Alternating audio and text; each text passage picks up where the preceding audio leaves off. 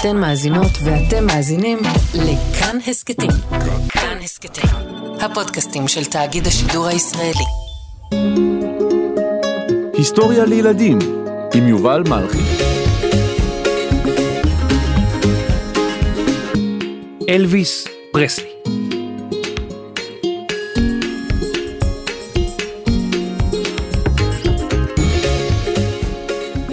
לפני כ-70 שנה חי זמר נועז ויצירתי, שעזר ליצור סגנון מוזיקה חדש בשם רוק אנד רול. הוא היה אהוב על מיליונים, נערות התעלפו בהופעות שלו. הוא כונה המלך, ונחשב עד היום לאחד האומנים הגדולים בכל הזמנים. אבל אז, יום אחד, הוא נעלם. בין נענועי אגן, קבלו את המלך, אלוויס פרסלי.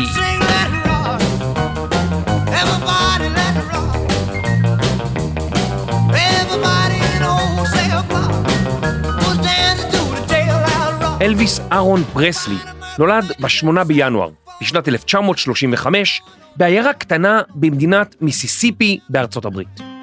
אמו גלדיס עבדה במפעל בדים, ואביו, ורנון, עבד בחנות מכולת. כאשר אלוויס היה בן שלוש, הורשע אביו בהונאה ונשלח לכלא. אלוויס ואימו התגוררו עם קרובי משפחה באזור עני, שהיה מיושב באוכלוסייה של אנשים בעלי גוון עור שחור. כיום הם נקראים שחורים או אפרו-אמריקאים, אמריקאים שהגיעו במקור מיבשת אפריקה. ביתו של אלוויס היה בעל חדר אחד, והוא והוריו ישנו במיטה אחת, כי זה מה שיכלו להרשות לעצמם.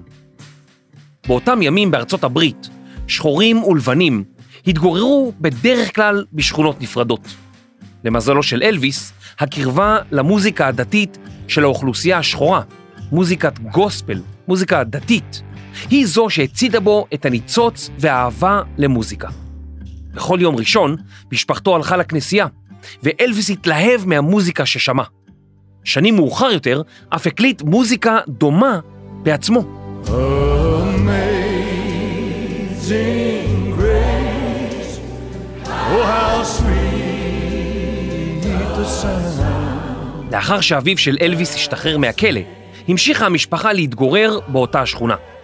אלוויס מאוד אהב לשיר, ובגיל עשר זכה במקום השני בתחרות שירה מקומית. זמן מה לאחר מכן הוא קיבל מתנה. אמא, את קונה לי מתנה? מתנה מאוד מאוד מיוחד, אלוויס שלי, מאוד. וואו, תראי, יש שם רובה אוויר. אני יכול לירות בו למטרה. לא, אלוויס, אני לא קונה לך רובה, אתה צעיר מדי. מה דעתך על אופניים? אני רוצה רובה! רוצה רובה! לא, אופניים, רובה! רובה! אופניים. אה, סליחה, אלוויס ואימא שלו, אה, אולי במקום רובה או אופניים, פשוט תראי, יש לי פה גם אה, גיטרה. נו, אלוויס, מה דעתך? גיטרה! טוב, בסדר, גיטרה.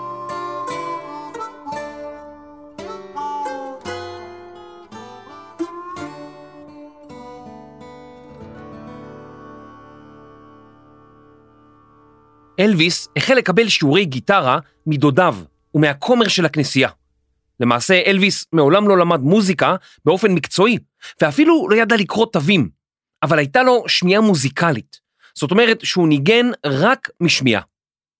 כשאלוויס היה ילד, היה לו חבר טוב בשם סם בל.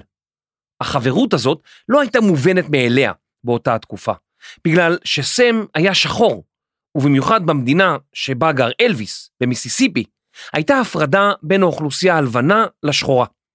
כשאלוויס וסם התפלחו לקולנוע, היה עליהם לשבת במקומות נפרדים ללבנים ושחורים, ללכת לשירותים נפרדים, ואפילו לשתות מים מברזיות נפרדות. אבל אלוויס לא אהב את החוקים האלה, והתגנב למקום הישיבה של השחורים, כדי לשבת ליד סם חברו. לימים, סם סיפר כיצד חיידק המוזיקה דבק באלוויס. הוא רצה להיות זמר גוספל, בדיוק כמו שאנשים שחורים שרים. הוא שר למטאטה, ואנחנו חשבנו שהוא משוגע. סם גם סיפר שאלוויס היה ילד נדיב. הוא היה נותן את הצעצועים שלו לילדים שהיו עניים יותר ממנו. חברת ילדות אחרת של אלוויס, סיפרה שהוא היה ילד ביישן ונבוך, בעל נפש עדינה. כשאלוויס היה בן 13, אביו חיפש עבודה חדשה, והמשפחה עברה לגור בעיר ממפיס במדינת טנסי. ורנון פרסלי עבר מעבודה לעבודה, ואימו של אלוויס עבדה בבית החולים המקומי, אולם הכסף לא הספיק, ואלוויס נאלץ לעבוד גם הוא בכתיב כותנה ובעולם הקולנוע המקומי כדי לעזור להוריו. כשאלוויס היה בכיתה ז', המורה שלו נתנה לו ציון 70 במוזיקה, ואמרה שאין לו כישרון שירה. כדי להוכיח לה את ההפך, הופיע אלוויס יום למחרת עם הגיטרה שלו, והוכיח שדווקא יש לו קול יפה. כך הוא הפך לכוכב בבית הספר, וביום האחרון לחטיבת הביניים, אלוויס קיבל רשות והופיע לפני תלמידי בית הספר. הוא עלה על הבמה עם פאות לחיים ווזלין בשיער, אופנה שהפכה לחלק מההופעה החיצונית שלו. באותו הזמן המשיך אלוויס לסייע להוריו. הוא כיסח דשא, שטף מכוניות ואפילו מכר גלידה. כאשר סיים את לימודי התיכון, החל אלוויס לעבוד בתור נהג משאית, וכמובן המשיך לנגן בגיטרה. בקיץ 1953, אלוויס בן ה-18 שילם 4 דולרים לחברת ההקלטות סאן רקורדס כדי להקליט שיר לכבוד יום הולדתה של אמו. השיר נקרא האושר שלי, My Happiness. kiss. Always thinking how I miss my. בעל החברה, סם פיליפס, זיהה מיד את כישרונו של אלוויס. הוא צירף את אלוויס לשני מוזיקאים מקומיים. יום אחד, אי שם בחודש יולי 1954, השלושה התאמנו לקראת הופעה, ובהפסקה, אלוויס לקח את הגיטרה והחל לשיר. זה בסדר, זה בסדר, אמא, כל מה שתעשי, זה בסדר. סם פיליפס מעולם לא שמע סגנון כזה של מוזיקה, שיר שמשלב שני סגנונות, הבלוז והקאנטרי. הבלוז הוא סגנון מוזיקלי פשוט ושקט, שכולל גיטרה, תופים, בס, פסנתר וסקסופון. ואילו הקאנטרי הוא סגנון מוזיקלי פשוט גם כן, אבל מהיר יותר בקצב. הוא משלב כלי נגינה רבים יותר, כולל מפוחית, בנג'ו, כינורות והבוב. סם פיליפס מיהר להקליט את השיר, וכך נולד אחד השירים הראשונים של סגנון המוזיקה החדש, הרוקנרול. Well, that's all right, Mama. That's all right for you. That's all right, Mama. Just any way you do it, that's all right. אלוויס הוציא חמישה שירים תחת חסות סם רקורדס, והחל להופיע עם שני המוזיקאים מול קהל. לאחר כמה חודשים, תוכננה לאלוויס הופעה באולם מפורסם בשם הגרנד אול אופרי. בגרנד אול אופרי הופיעו מוזיקאים ידועים שניגנו מוזיקת קאנטרי, ועבור אלוויס זאת הייתה הזדמנות נהדרת. אך הקהל לא אהב את הסגנון החדש, ומישהו אפילו צעק לעברו שיחזור לעבוד בתור נהג משאית.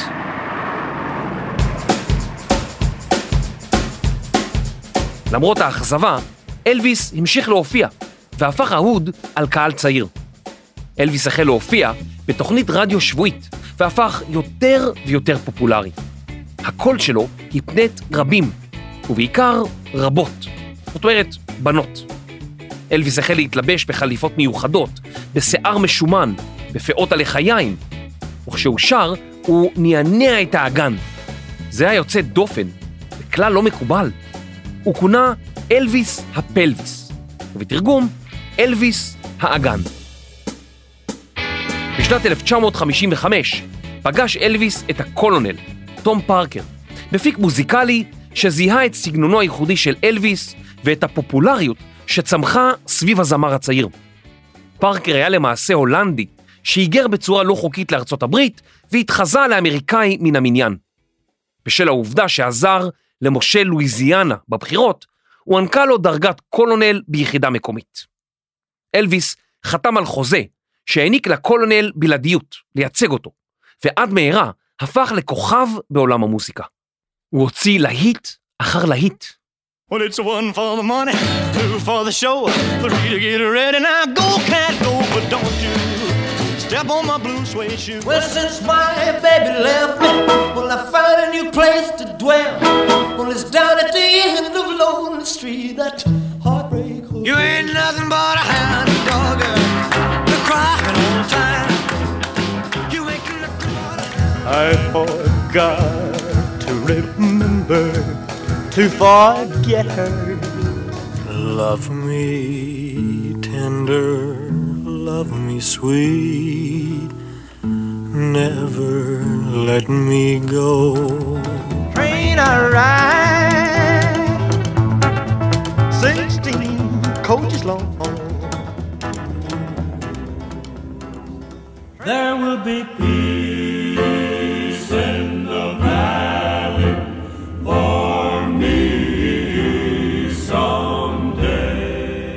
אלבומו הראשון של אלוויס היה ללהיט ענק והכניס יותר ממיליון דולר.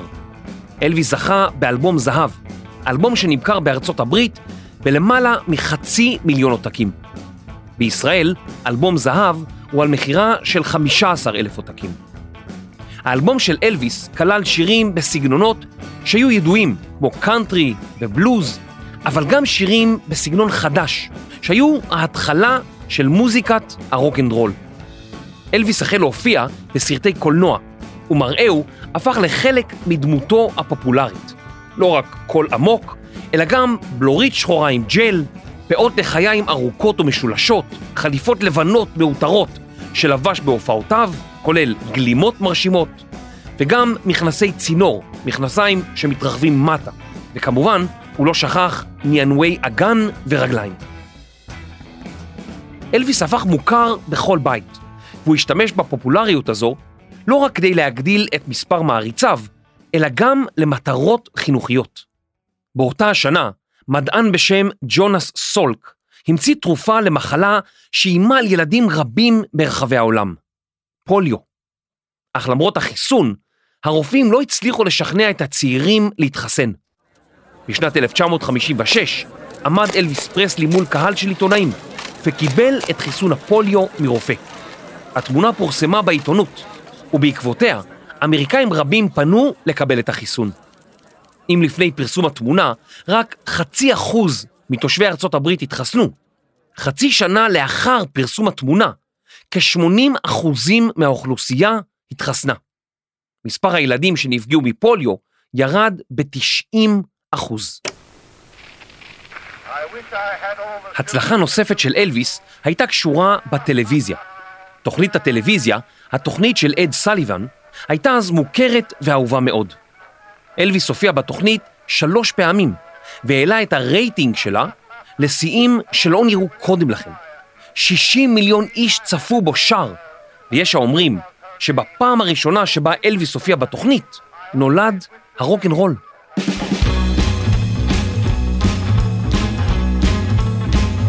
הקולונל, כזכור, הבין כמה שווה אלוויס, והחל למכור מוצרי אלוויס, כוסות, מגבות, מדבקות, מכנסי ג'ינס, כובעים, נעליים, ממחטות, חולצות, חגורות, בושם, ארנקים, תליונים ועוד. כולם נשאו את שמו או דמותו של אלוויס. בשנה הראשונה למכירת המוצרים, אלוויס הרוויח 22 מיליון דולר. בשנת 1957 רכש אלוויס בן ה-22 אחוזה שנקראת עד היום גרייסלנד, אדמת החסד, סמוך לעיר ממפיס בה גדל. לאחוזה 23 חדרים, מהם שמונה חדרי שינה עם שירותים צמודים, בריכת שחייה, גן מדיטציה ואפילו אורוות. אלוויס ביקש מהוריו לעבור לגור עמו באחוזה. עם השנים זכתה האחוזה לתהילה עולמית, ובארצות הברית גרייסלנד נחשבת לאחת מהאטרקציות התיירותיות החשובות. האחוזה נפתחה למבקרים בשנת 1982, ומדי שנה מבקרים בה כחצי מיליון איש. כבר אמרנו שאלוויס היה איש נדיב מאוד.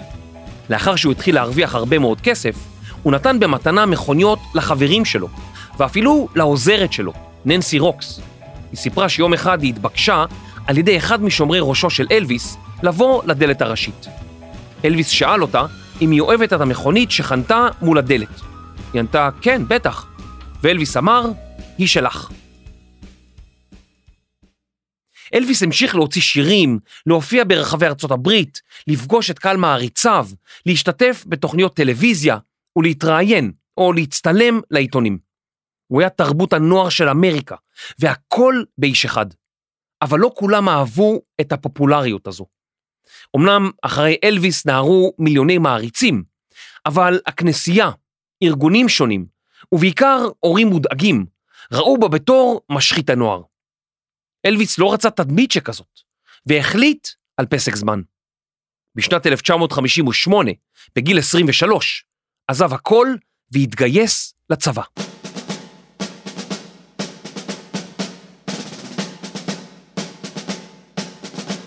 בשנתיים ששירת בצבא ארצות הברית, הוא נשלח לגרמניה, אך יום אחד קיבל הודעה שאימו חולה. הוא נסע הביתה וגילה שאימו הלכה לעולמה, בגיל 46. אלוויס התאבל עליה לאורך זמן רב. מכריו סיפרו שהם אינם זוכרים מישהו שבכה כמוהו, ויש האומרים ששיריו לא נשמעו אותו הדבר, מיום שאימו הלכה לעולמה. כאשר אלוויס חזר לסיים את שירותו בגרמניה, הוא פגש בחורה צעירה, בתו של קצין בחיל האוויר. פרסיליה הייתה אז רק בת 14, אך אלוויס כבר ידע שיום אחד הוא יישא אותה לאישה. פרסיליה עברה לגור עם אלוויס בשנת לימודיה האחרונה, ובגיל 21 נישאה לזמר, שהיה מבוגר ממנה בעשר שנים. גרמניה הייתה גם המקום שבו אלוויס החל להתעניין בקראטה. הוא למד שיטות לחימה שונות ממורה לקראטה בגרמניה, והפך למומחה באומנויות לחימה, בעל חגורה שחורה. חיה! בשנתיים ששירת בצבא, אלוויס לא הוציא לאור שירים, ולא הופיע בסרטים. אבל כאשר חזר לאדמת ארצות הברית, חיכה לו קהל המעריצים, הצמא לשיריו. הוא מצידו לא אכזב, ומיד שב להופיע בסרטים ולהופיע מול קהל. למרות זאת, הביקוש להופעותיו החל לרדת, וגם מכירת התקליטים הייתה בשפל. בתחילת שנות ה-60, אלוויס הקדיש את זמנו בעיקר להופעות בסרטים, והפסיק להופיע בהופעות חיות. בשנת 1964 פגש אלוויס את מעצב השיער היהודי לארי גלר. בין השניים התפתחה מערכת יחסים קרובה, וגלר הפך למין יועץ של אלוויס. גלר סיפר כי אלוויס החל להתעניין בהיסטוריה של העם היהודי, ואפילו רצה להיות חלק מהעם הנבחר. הוא אפילו שינה את שמו האמצעי מאהרון לאהרון, כדי להנציח את הקשר ליהדות. יש המספרים שכבר בילדותו, אלוויס הקשיב למוסיקה יהודית בבית משפחת פרוכטר, שהתגוררה סמוך למשפחתו. לימים, אלוויס ענד שרשרת חי, ואפילו שר, הווה נגילה. Hava, Nagila Hava, Nagila Hava, da da da da do. Ah, da da da da, da. Da da da da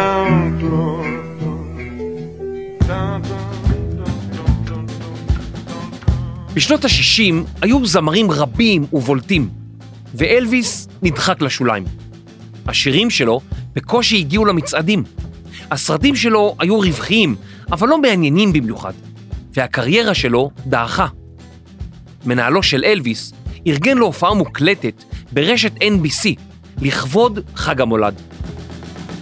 אלוויס הקליט את ההופעה בקיץ של אותה שנה, ובדצמבר, כשהיא שודרה, אלוויס שוב זכה בתהילה מחודשת.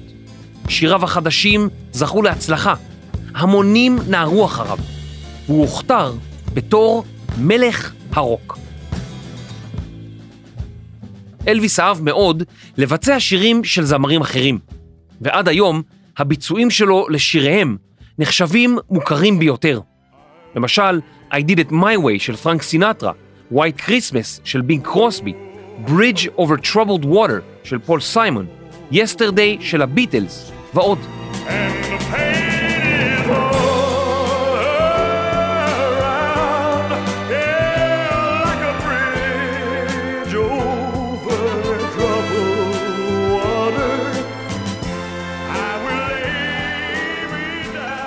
yesterday. All my troubles seem so far away. Now it looks as though they're here to stay. Oh, I believe in yesterday. Suddenly.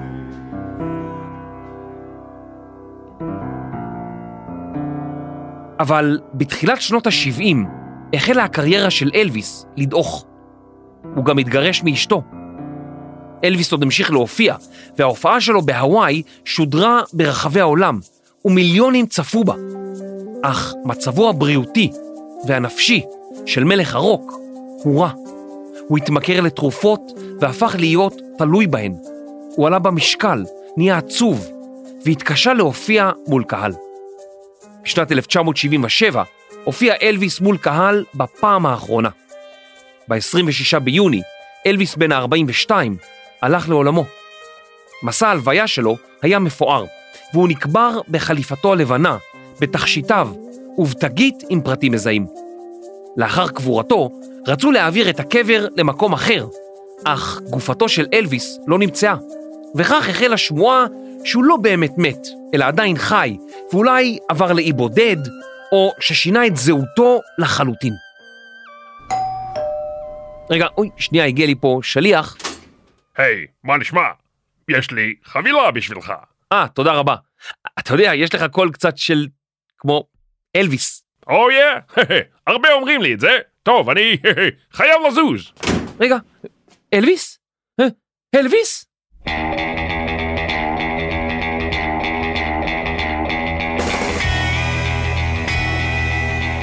סביב דמותו של אלוויס נוצר פולחן אישיות, הערצה לדמותו, ועד היום אנשים רבים ברחבי העולם מתלבשים כמו אלוויס, מעצבים את שערם כמו אלוויס, שרים כמו אלוויס, ואפילו מחתנים אנשים בסגנון אלוויס.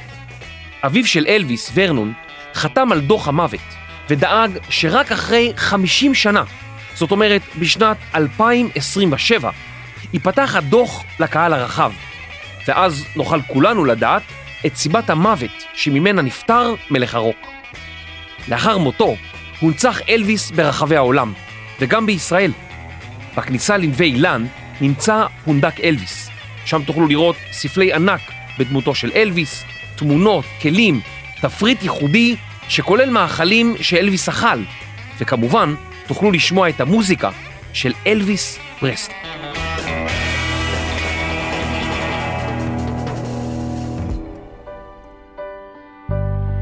Maybe I didn't treat you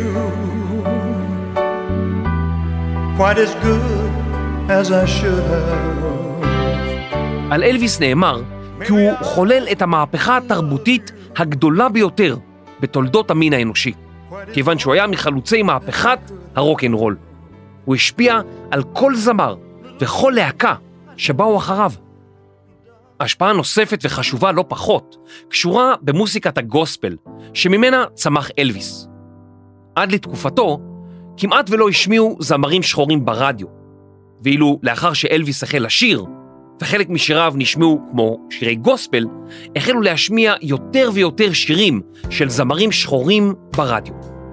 לפני כמה חודשים יצא לאור הסרט אלוויס, המספר את סיפורו של מלך הרוק מנקודת מבטו של הקולונל, האמרגן שלו. הסרט הפך פופולרי מאוד, מכיוון שסיפורו של אלוויס עדיין מרתק את הקהל. סיפור על נער צעיר ועני, שהפך לזמר פופולרי ופורץ דרך. אדם מיוחד בעל נפש עדינה, שהתמכר לתרופות, ומת בגיל צעיר. אין ספק כי אנשים רבים עדיין מתגעגעים לאיש בעל הפאות המשולשות והאגן שזז בלי הפסקה, ששינה את עולם המוסיקה لقعد Wise men say only fools rush in,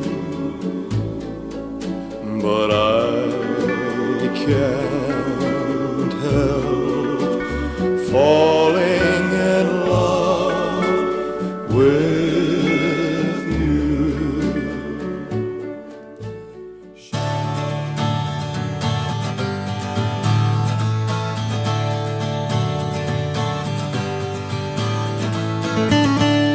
מחקר, כתיבה, עריכת לשון ואילוף כלב ציד. דינה בר מנחם. עריכה, קריינות ומתגורר במלון הלבבות השבורים. יובל מלכי. עריכת סאונד, מיקס ורוק בבית הכלא. רחל רפאלי. הפקה ונוסעים ברכבת מסתורית. ניר גורלי, טל ניסן ורני שחר. אני יובל מלכי. היסטוריה לאלוויסים, לילדים.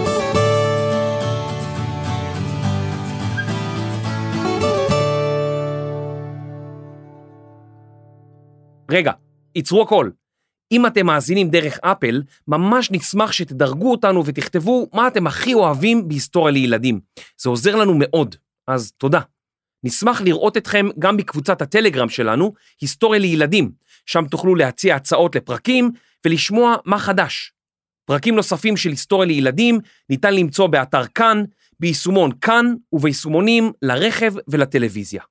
תודה.